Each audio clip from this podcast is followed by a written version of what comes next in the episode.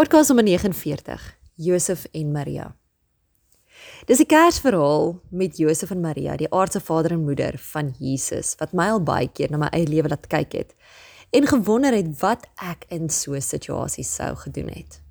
En nou gebruik ek dit as 'n lewensles sommer reg deur die jaar. Kom ek verduidelik vir jou wat ek sien.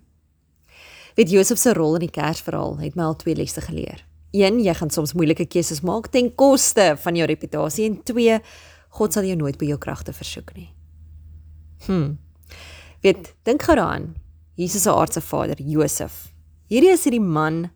Hy's 'n skrynwerker in 'n klein dorpie Nasaret. Hy's geken aan sy goeie reputasie. Hy's hardwerkend, hy's eerlik, hy's wetsgehoorsaam. En dan bevind hy hom in hierdie emosionele en morele wroging. Want Maria deel met hom die nuus van haar swangerskap. 'n buiteegtelike kind sou sy reputasie skaad en tot beide se dood teen teen een lei. Hier sit hierdie man en tydens sy wroging met die gedagtes van 'n swanger verloofde tree God na vore en hy ontmoet sy hartskreet. Hy stuur 'n engel om Josef in sy drome te ontmoet. Wat in Josef? Dis sy standvaste geloof in sy lewendige God wat Josef onmiddellik laat reageer. Hy gee sy reputasie oor. Hy neem Maria as sy vrou en hy spaar Maria die openbare skande. Josef is dan bereid ook om Jesus as sy eie kind groot te maak, wetend dat dit nie sy eie vlees en bloed is nie. Hy's 'n vaderfiguur vir hom. Hy leer vir hom hierdie basiese lewenslesse. En dan staan hy terug. En hy laat Jesus toe om sy hemelse Vader se roeping te volg. Ja, Jy weet die keuses wat Josef gemaak het, het toegelaat dat God sy karakter bou. En op die einde van die dag, hmm, dink ek, is dit belangriker om op mense karakter te fokus, want dis inderwaarheid wie 'n mens is. Terwyl die reputasie, hmm, seker maar slegs is dit wat mense van jou dink. Kyk ek na Maria in die rol van hierdie Kersverhaal. Leer dit my ook twee goed. Een, jou karakter maak vir God saak en twee, om God se wil te doen is nie altyd maklik nie. Ek gaan lees dit dan in Lukas 1 hoe Maria reageer op die verskyning van die engel. En kyk, ek kan nie myself help om te wonder wat hierdie vrou werklik gedink het en waarom sy slegs 'n paar vrae gevra het nie. Want die engel sê sy sal geboorte gee. Nou gaan lees jy dit in Lukas 1:34 en hoe sy antwoord. Sy sê: "Hoe kan dit wees aangesien ek geen man het nie?" Dis nou Maria.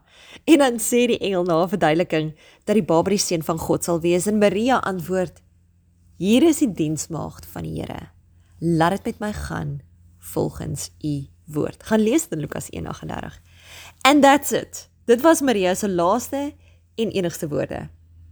Sy het dit nie bevraagteken nie. Sy het dit ook nie verwerp nie. Al was sy 'n baie jong vrou en het al het niks logies gemaak nie. Niks het logies sin gemaak nie.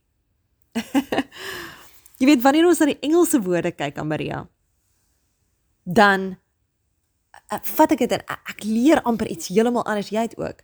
Wat hy begroet haar met die woorde moenie vrees nie Maria, want jy het genade by God gevind.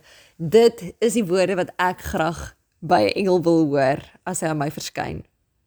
Maar dan dink ek, miskien was sy die een wat vir 'n baie lang tyd in haar lewe en haar hart hierdie hinkering na guns en genade gehad het en dis hoekom God of die engel dit dadelik vir haar gesê het.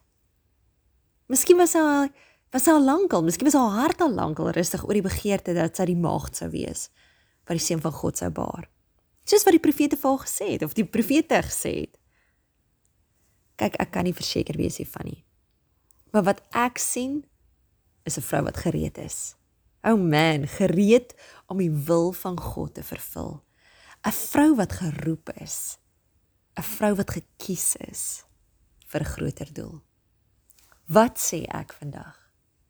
1 God praat in die taal wat ons verstaan met ons hartsbegeertes.